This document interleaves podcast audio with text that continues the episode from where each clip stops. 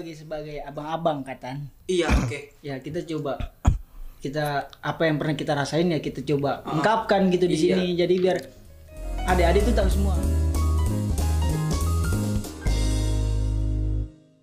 Jadi begini buat gua. Kenapa tadi gue sepakat sama dia dibilang kita merdeka? Karena kan eh, tujuan. Jadi gini kenapa gue mau lagi-lagi gue bilang kita membuka pola pikir kita ngasih tahu ada organisasi ini organisasi ini. Tapi lagi-lagi kan gue bakalan ngebebasin dia untuk memilih yang mana. Bebasin organisasi apa? Dia pengen masuk itu ya no problem. Dia pengen masuk sana it's okay. Oke. Menurut lu dalam kaderisasi itu perlu nggak sih kita sebagai senior gitu untuk eh, membanding-bandingkan organisasi satu dengan yang satu lainnya atau membandingkan kelebihan kekurangan masing-masing itu perlu apa enggak gitu? Ya, mungkin yang gue garis bawain tadi ya, membandingkan yang satu lebih, yang satu kurang. Menurut gue semuanya ada kekurangan dan ada kelebihan. Tapi mengenai perlu atau enggaknya, menurut gue ya balik lagi ke, ke, ke kemerdekaan mereka gitu. Mereka harus bisa bang di situ nentuin yang mana. Nah kalau lu sebagai senior bakal ngasih tahu nggak kelebihan dan kekurangan organisasi-organisasi itu? Gue ngasih tahu kelebihan Kekurangannya dan kekurangan gue kasih tahu serius. semuanya. Tapi yang lain enggak. Yang di gua aja. Oh yang diri sendiri Yang di gua aja. aja. Kalau lu gimana? oke gue juga sepakat Menarik hal ini.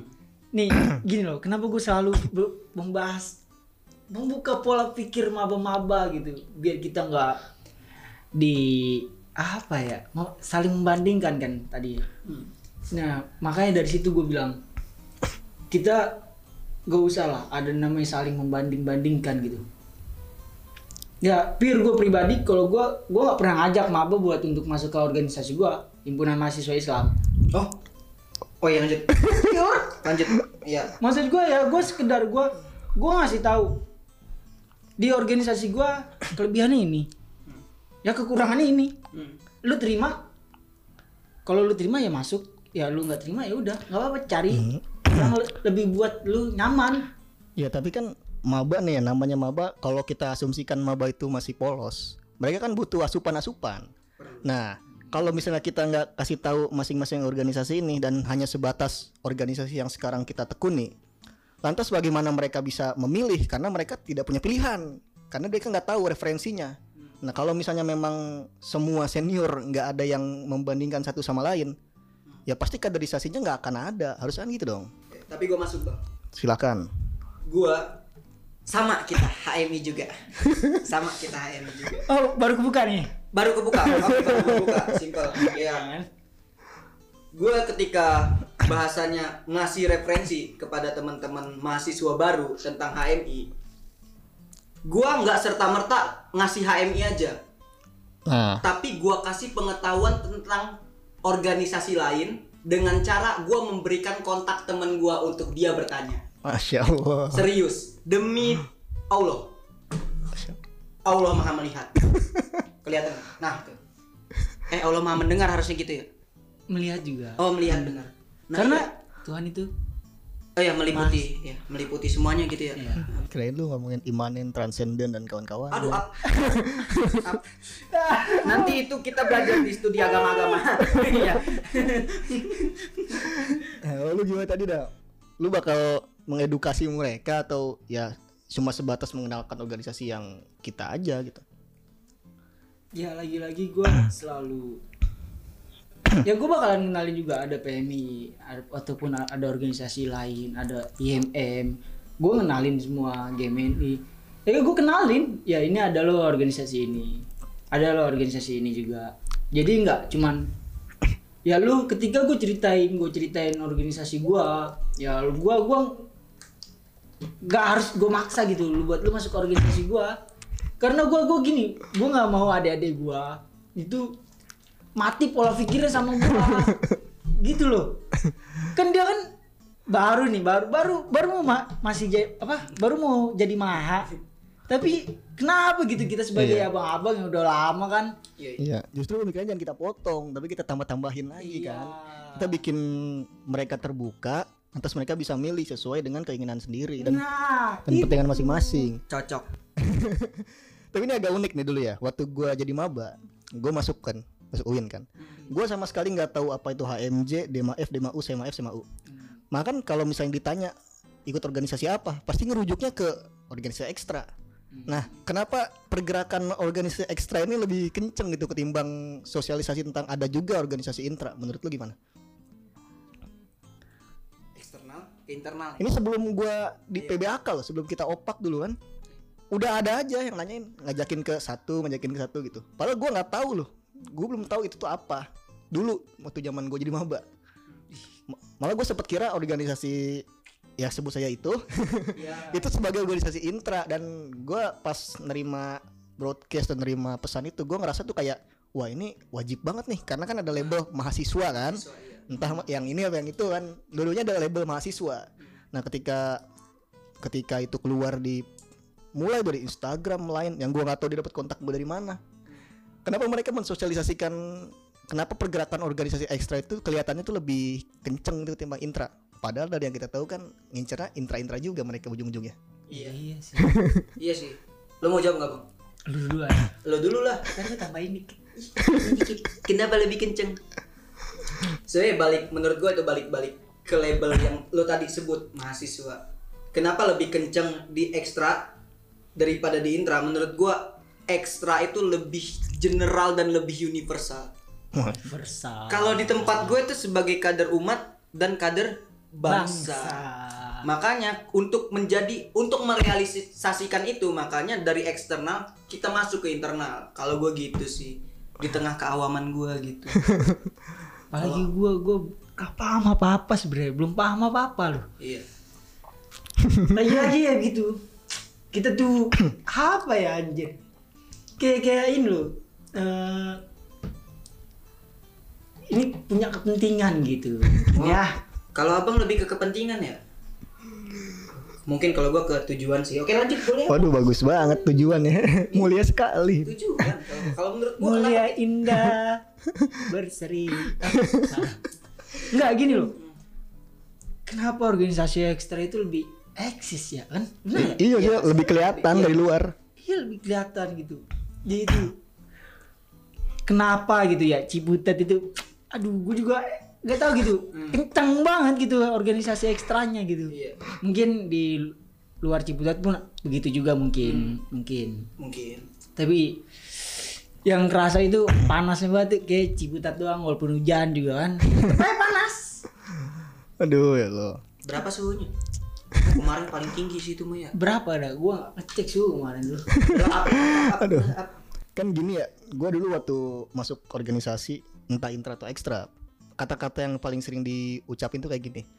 Kaderisasi atau rekrutmen itu adalah jantungnya organisasi. Nah tadi juga lu ngomong tentang pola pikir dan kawan-kawan seperti itulah ya. Nah menurut lu pada berdua cara kaderisasi atau rekrutmen yang benar itu kayak gimana? Gue gini oke gue jawab nih jadi kita eh, sebagai abang-abang ya? Abang-abang aja jangan senior. Senior mah terlalu tinggi banget gini Siap abang. iya abang ya. Gue lagi-lagi kita bakalan nanya.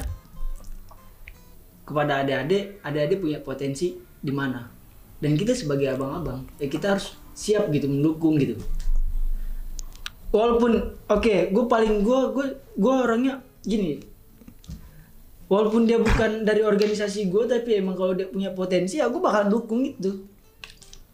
Kayak misalkan dia kayak lu nih kan punya studio kan. Ya kalau emang gue bisa kan ya kan. Gue bisa membantu apa apa ya gue bakal bantu. Seandainya ini gue menganalogikan walaupun lu beda organisasi sama gue gitu gue bakal bantu. Berarti Eh, sama. oh sama. Nggak tahu gua nggak tahu sama apa enggak oh Jangan dipotong aturannya gitu ya.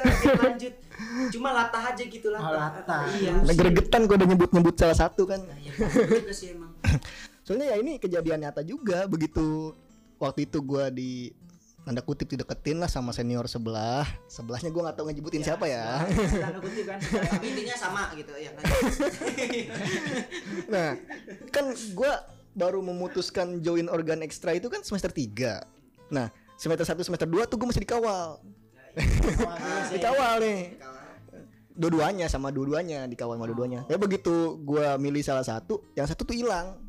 Bahkan gua nggak tahu Instagram masih ada apa enggak WhatsAppnya masih ada apa enggak. Dan gua rasa sih salahnya gue dulu ya kenapa gua nggak tanya dia dapat nomor gue dari mana gitu loh. Jadi gua nggak tahu jalur kaderisasi orang itu dua-duanya. Ya, tapi balik-balik gitu sih bang. Gua kaderisasi yang baik itu yaitu yang mengedepankan kemerdekaan dan pola pikir. Dan yang terpenting menurut gua lu nggak sekedar ngajak tapi ke depannya lu bimbing dia seumur hidup. Gua garis bawain seumur hidup. Ketika lu berani ngejeburin dia berarti lu harus siap mengawal dia. Itu Iya. kalau gua. Berarti tetap kaderisasi itu harus ngajak? Tetap harus ngajak harus ngajak kan? Harus ngajak dan tapi itu tidak mengesampingkan pola pikir dan kemerdekaan nih kalau kalau misalnya di pemilu nih kan ada ada ada black campaign sama negatif campaign. Oke. Tahu kan? Nah menurut lu yang ya, di antara dua tersebut yang lebih sehat yang mana dalam kaderisasi? Black campaign atau Aduh, negatif campaign? pilihannya kok yang negatif sama black gitu. Kenapa nggak yang lain? Kan ada apalagi yang baru-baru kan. Aduh, yang baru yang mana tuh? Ya, oke lanjut.